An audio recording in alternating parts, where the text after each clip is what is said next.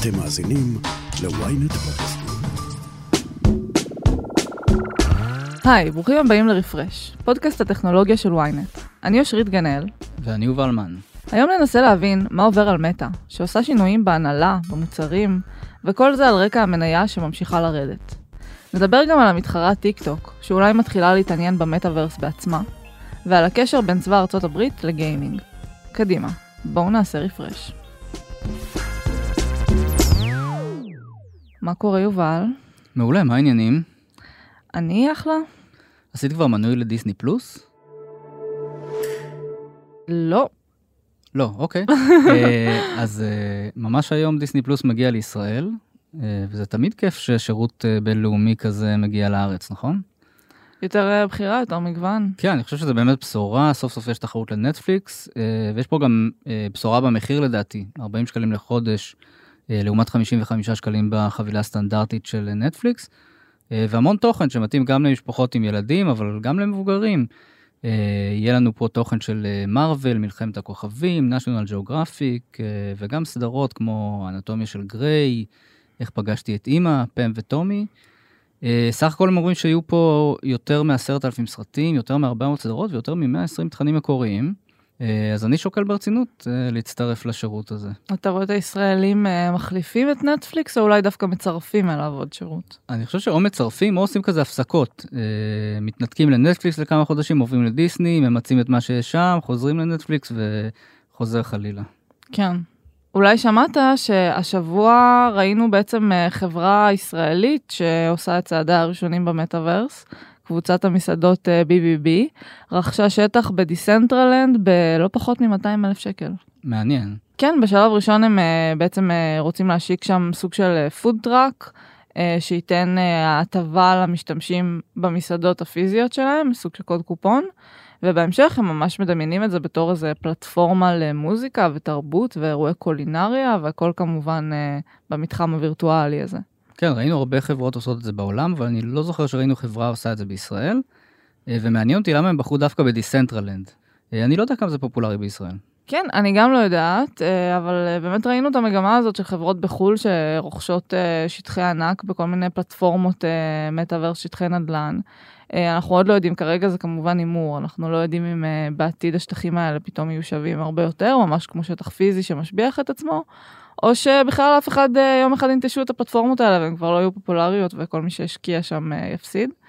אבל uh, מעניין לראות כי זה באמת, אנחנו רואים שזה הולך ונהיה כאילו איזה סוג של שכבה שיווקית נוספת שחברות מסחריות uh, צריכות להתחיל uh, להבין בה ולהתעסק איתה, כל העולם הזה של המטאוורס, לא בהכרח uh, לרכוש uh, שטחים, אבל כל שם. מיני חוויות כאלה, כן. Uh, בעיקר בשביל לפנות uh, לדור ה-Z, ומעניין אם נראה את זה מתחיל לתפוס גם בארץ. כן, או שזאת בועה שתתפוצץ. גל עזיבות של בכירים, הקפאה של פרויקטים והמון סימני שאלה לגבי העתיד. אז מה בעצם קורה שם באימפריית הסושיאל של מרק צוקרברג?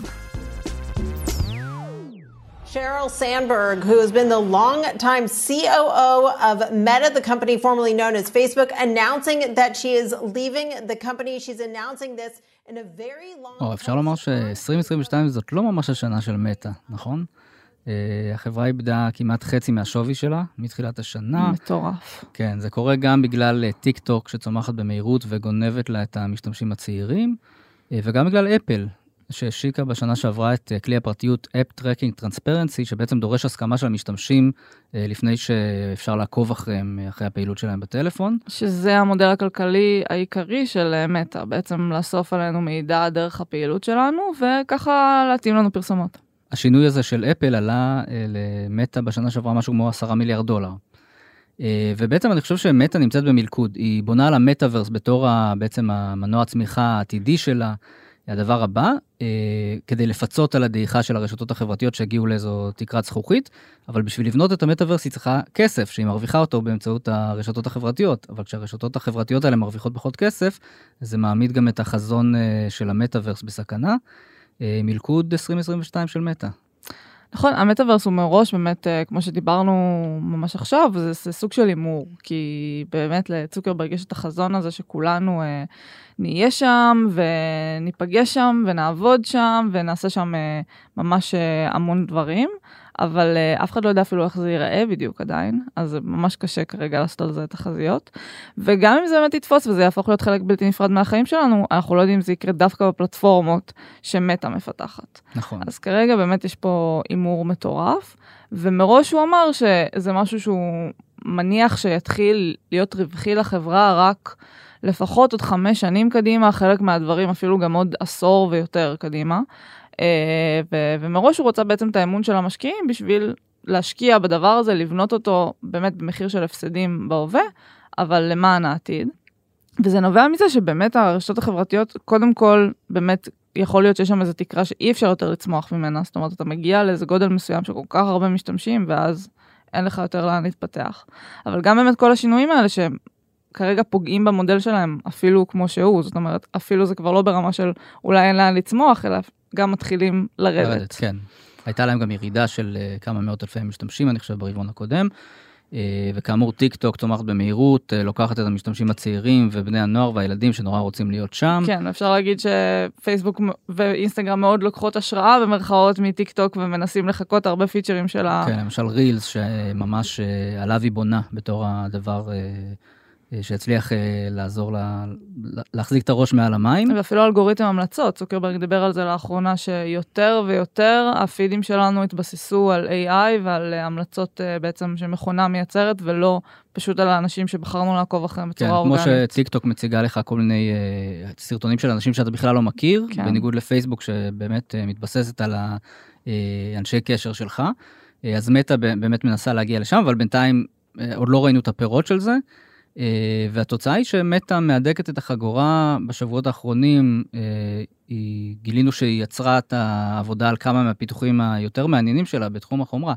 אה, למשל השעון החכם, שהיה אמור להתחרות באפל וואץ', וגם לאפשר שליטה במכשירי מציאות רבודה ומדומה באמצעות טכנולוגיה שהופכת אותות עצביים לפקודות דיגיטליות, קוראים לזה אלקטרומיוגרפיה, אז היא יצרה את העבודה עליו, כנראה מסיבות תקציביות. אה, את זוכרת את פורטל? כן, אני זוכרת גם שהם השיקו את זה ממש ב...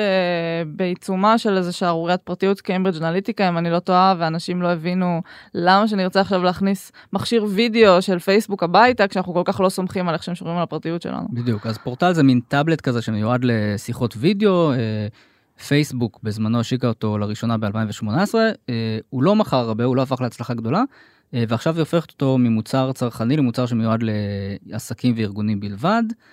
אה, ואני חושב שהחדשות הכי מעניינות זה שמטא החליטה לא להשיק את משקפי המציאות הרבודה שהיא תכננה להשיק ב-2024, ובמקום זה היא תתמקד אה, בדור השני של המשקפיים האלה, שאנחנו כרגע לא יודעים מתי הם יצאו.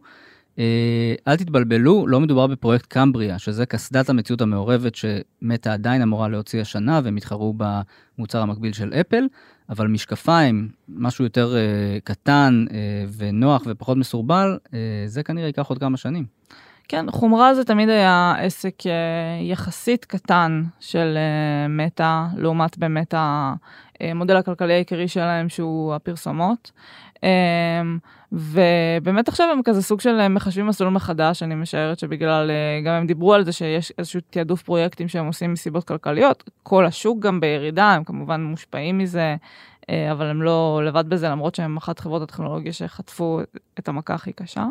ולמשל הש... השעון החכם הזה, זה באמת היה משהו שהיה נשמע מעניין, כי אחד הפיצ'רים שלו שבאמת היו אמורים לתת איזה משהו ייחודי בנוף הזה של השעונים החכמים זה המצלמה, שכרגע אין כל כך מצלמות, אה, למשל באפל וואט של מצלמה, mm-hmm. והיו אמורות להיות לו שתי מצלמות, בעצם אחת אה, על התצוגה עצמה, שאמורה באמת לשמש יותר לשיחות וידאו וכאלה, ואחת שהיא ממש נשלפת, זאת אומרת, היה אפשר לקחת את כל המסך של השעון, לשלוף אותו מהרצועה ולצלם תמונות וסרטונים. אבל היה שם בעיה טכנית, ככה דווח, ש... המצלמה האחורית הזאת והסנסור הזה שאמור לקרוא פעילות עצבית, הפריעו אחד לשני. כן, ובשביל לפתור את זה צריך הרבה כסף, ואין. כן, כנראה, אז, כרגע. אז זה מעניין אם אנחנו נראה את זה חוזר בהמשך, או שזה לגמרי ירד מהפרק. כן. אה, ויש עוד שינויים במטא, נכון? אה, שריל סנדברג, אה, מי שנחשבה למבוגרת האחראית במטא, הייתה סמנכ"לית התפעול ב-14 שנים האחרונות ונחשבה ליד ימינו של צוקרברג, הודיעה על פרישה ממש בשבועות האחרונים. וזה מעניין, כי סביב הפרישה שלה פורסם כי היא נמצאת תחת חקירה בחשד שהיא השתמשה במשאבים של החברה למימון למטרות אישיות, למשל תכנון החתונה שלה, אה, וגם אה, עניינים שקשורים לעמותה שהיא הקימה, לין אין, ואפילו לכתיבה של ספר בשם אופשן בי, שהיא הוציאה ב-2017 אחרי שאיבדה את בעלה. עכשיו באמת המשדרים עסקים כרגיל, הם הודיעו שסנדברג תמשיך לכהן בדירקטוריון של החברה, והיא בעצמה אמרה למקורבים שאין שום קשר בין החקירה לבין ההחלטה שלה לפרוש, אבל זה מעניין שזה יוצא דווקא עכשיו. כן, צריך להגיד חקירה פנימית של מטא, שלא ישתמע כן, שזה איזו לא חקירה פלילית. פלילית. נכון. אמ, אבל כן, אה, אנחנו עוד לא לגמרי יודעים עד כמה הדבר הזה הוא גדול ומשמעותי. אני רק רוצה להגיד כמה נוח שאפשר להשתמש במשאבים של חברת ענק שכזאת כדי לארגן פרויקטים אה, פרטיים, מי מאיתנו לא היה רוצה את זה. אה, אבל ככה או ככה, העזיבה של סנדברג היא סוג של רעידת אדמה במטא. אומנם אה, המון שנים כבר מדווח שהיחסים בינה ובין צוקרברג הם לא כמו שהם היו בהתחלה, שהוא ממדר אותה מהמון החלטות, שאין ביניהם כל כך הסכמה על המון נושאים אה, חשובים. כן, גם הנוכחות הציבורית שלה פחתה בשנים האחרונות, כמעט לא רואים אותה. אה, גם באירוע הזה שבו הוא הכריז על המטאוורס והציג במשך שעה כן, וחצי, שעתיים. לא ממש הייתה נוכחת. היא, היא בכלל לא הייתה לדעתי.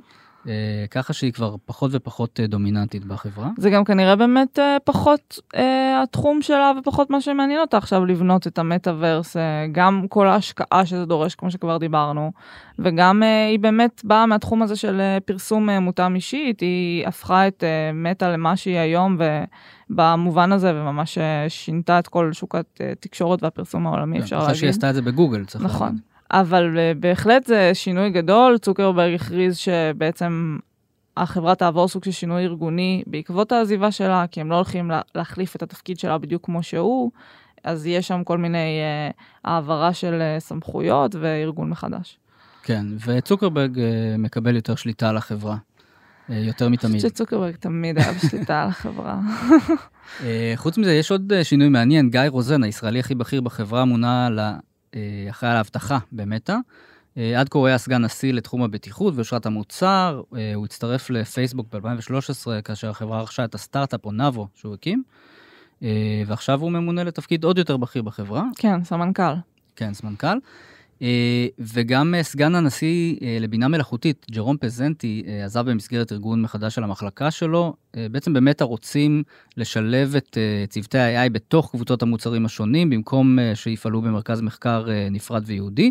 זה כנראה אמור לעזור לחברה לשלב בינה מלאכותית במוצרים בצורה יותר קלה ומהירה, ויכול להיות שזה גם נועד לצמצם עלויות. כן, ועוד שינוי מעניין זה שכל התחום של ה-AI הולך להיות כרגע תחת Reality Labs, שזה, כמו שאנחנו יודעים, אה, החלק במטה שגם בונה את המטאוורס. כן, ושגם בו ראינו קיצוצים, הוא בעצם אחראי לכל החומרה הזאת שבינתיים אה, מתעכבת. אז המון אתגרים במטא. אה, אני יודעת שבחברה הם תמיד אוהבים להתייחס לאתגרים, גם סנדברג עצמה, כשהיא עזבה, אמרה על כל הנושא הזה של הפיבוט למטאוורס, שזה מאוד דומה לשינוי שהם עשו בעצם כשהם עברו מלהיות אמ, אתר ב web בלבד לאפליקציה שהיא גם למובייל, ושהם עשו את כל זה בזמן ההנפקה שלהם וכולי, אבל ימים יגידו אם הם יצלחו גם את הסערה הזאת. והנה עוד חדשות לא כל כך טובות לצוקרברג, בייטדנס הסינית, החברה היום של טיק טוק מאיימת לעשות למטא בתחום המציאות המדומה והמטאוורס את מה שעשתה לה בתחום הרשתות החברתיות. אה, לפי דיווח של אתר הטכנולוגיה פרוטוקול, אה, בייטדנס מתכוונת להתחיל למכור בארצות הברית את קסדת המציאות המדומה שלה, פיקו, והיא משקיעה סכומים גדולים של כסף על אה, תוכן בתחום.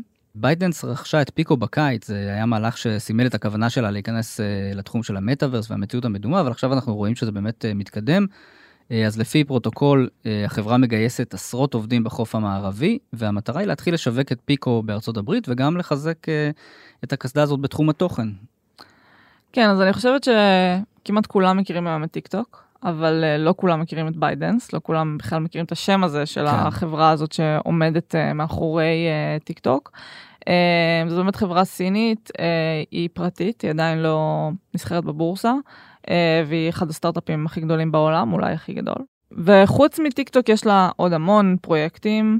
Uh, בין היתר יש לה מנורות uh, חכמות שפעם כתבנו עליהן, שבעצם סוג של מנטרים uh, ילדים סינים בזמן שהם עושים שיעורי בית. כן, קצת קריפי. משהו מאוד נחמד, כן? יש לה גם אה, רשת חברתית בעצם מקבילה לטיקטוק, דוין, היא נקראת והיא נכון. פעילה רק בסין. נכון. כי בסין באמת יש את כל העניין של הצנזורה, ואפליקציות מערביות לא פועלות שם בחופשיות, או לא פועלות שם בכלל. וכל הנושא הזה של הבעלות הסינית גם הרבה פעמים uh, גרם להרבה גבות להתרומם uh, במערב, מחוקקים אמריקאים שחשדו שטיקטוק היא סוג של uh, כלי ריגול וכולי. וגם שהיא מצנזרת uh, כל מיני uh, נושאים שהיא לא אוהבת. נכון, שהיא מנסה להנחיל איזשהו נרטיב בעצם שמיטיב עם הממשל הסיני. כן. ועכשיו, אמנם הם לא אומרים עדיין את המילה מטאוורס, כאילו אין פה איזו הכרזה אה, רשמית, כן. אבל זה נראה שכל מיני צעדים שם באמת קצת uh, מתחילים uh, לחקור את הנושא הזה, כמו באמת ההשקעה הזאת ב-VR, uh, שכרגע זה בעיקר סביב גיוס עובדים, נכון? אנחנו עוד לא יודעים על איזה משהו... לא, אז הם, הם מגייסים uh, משהו כמו 40 עובדים uh, בחוף המערבי בארצות הברית, והם גם uh, פונים למפיקים של תוכן בתחום ה-VR, uh, בניסיון uh, לקבל רישיונות למשחקים וחוויות שונות בתחום הזה. Uh, נראה שהם הולכים על זה uh, די חזק, uh, ושווה לציין שבחודש שעבר החברה השיקה את הקסדה הכי חדשה שלה באירופה, פיקו נאו 3 לינק, והן עולות כ-480 דולר. אה, זה מעניין, קווסט 2, אה, קסדת המציאות המדומה של אה, מטא עולה 300 דולר, היא יותר זולה, אה, והיא הפכה למוצר הכי מצליח אה, בסגמנט הזה בעולם. אה, לפי הערכות האחרונות, כ-15 מיליון יחידות נמכרו עד כה מאז שהיא הושקה בסוף 2020, אם אני לא טועה. אה, ומעניין מה בייטדנס אה, תעשה עכשיו כדי להתחרות בהצלחה הזאת של אה, מטא. כן, אם הם יצליחו לייצר איזו חוויה ממכרת, כמו שהם עשו בטיקטוק, אז אה, אני חושבת שיש למטא מה לחשוש, ואולי גם לכולנו. אה, וחוץ מזה, בעצם עוד חדשות שאנחנו שומעים אה, מהצד של טיקטוק, שאולי מתחברים לנושא הזה של ההתחלה של החקירה של המטאוורס, זה שהם השיקו אבטארים. זה בעצם אבטארים שמשתמשי אה, טיקטוק יוכלו אה, להשתמש בהם. וקודם כל לעצב אותם באופן שמאוד מאוד מזכיר אותם מבחינה חיצונית, הם uh, דיברו שם הרבה על זה שהיה חשוב להם להיות כמה שיותר אינקלוסיב ולתת כמה שיותר מאפיינים uh, חיצוניים שככה ייצגו את uh, רוב האוכלוסייה.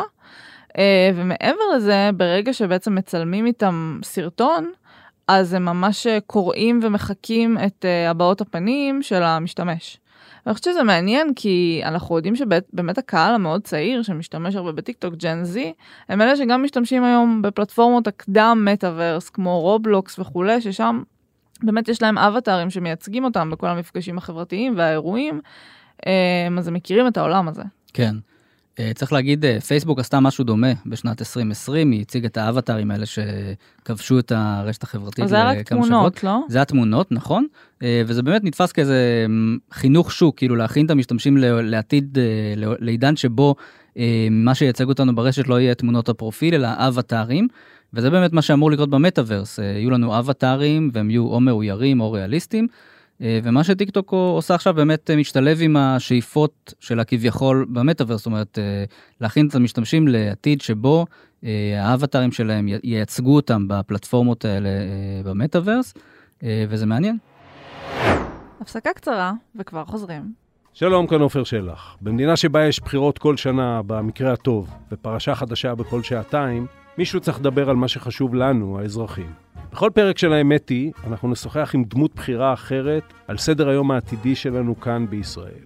שזו דרכי להגיד לכם שנדבר על כל מה שחשוב שהפוליטיקה תעשה בשבילנו, אבל היא לא תמיד עושה, לא ברור אם היא יכולה לעשות.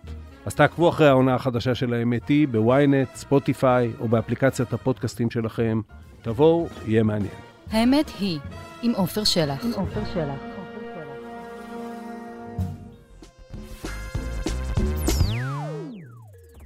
So, you're probably wondering to yourself, the U.S. Army has an esports program? Why? And how do I join? The U.S. Army esports program is a recruiting outreach tool to help the Army connect with the fast-growing esports audience. אני חושבת שיש הרבה ילדים שמשחקים במשחקי יריות וחושבים שזה נורא מגניב להיות חייל ועושים את הקישור הזה בראש. אבל לא חשבנו שגם הצבאות עצמם עושים את הקישור הזה, נכון? כן, אני מודה שזה הפתיע אותי. אה, מסתבר שהצבא האמריקאי משתמש בגיימינג כדי לגייס, כדי להכשיר וכדי לשמר לוחמים. אה, אז לפי דיווח של הוושינגטון פוסט, אה, לכל זרוע של הצבא האמריקאי יש שם קבוצת ספורט אלקטרוני, ליגות גיימינג ואפילו ערוצים צבאיים בפלטפורמת הצ'אטים דיסקורד, החביבה על הגיימרים. בחודש שעבר התקיים בסן אנטוניו טורניר גיימינג צבאי בהשתתפות חיילים מהצבא ומחיל האוויר. אה, חצי מיליון איש צפו בו בטוויץ', אה, שירות השידורים החיים אה, של אמזון, שהוא גם פופולרי בקרב גיימרים. ולפי סקר שנערך בקרב 35 אלף חיילים בחיל האוויר, 86% מהחיילים בגילאים 18 עד 34 מגדירים את עצמם כגיימרים. כן, אז מסתבר שההיסטוריה של הצבא האמריקאי בתחום הגיימינג היא הולכת קצת אחורה, זה התחיל בשנות האלפיים המוקדמות, כשמחלקת ההגנה השקיעה מיליוני דולרים אה, ויצרה משחק שבעצם גם מדמה שדה קרב וגם בכלל את החיים של חייל. אה, והוא הפך ללהיט בזמנו ובאמת שיפר את אה, דעת הקהל על הצבא בקרב צעירים. America's Army, Rise of the Soldier, the official US Army game. אה, והיום אנחנו באמת רואים כל מיני תופעות כאלה שהצבא עומד מאחוריהם, כמו חסויות לטורנירים מקצועיים של גיימינג, כמו אה, חיילים שמשחקים בטוויץ' תוך כדי אינטראקציה עם הקהל, ואפילו יש מחקר שבעצם מראה שמי ששיחק משחקים כאלה כשהוא גדל, יהפוך להיות אה, חייל טוב יותר.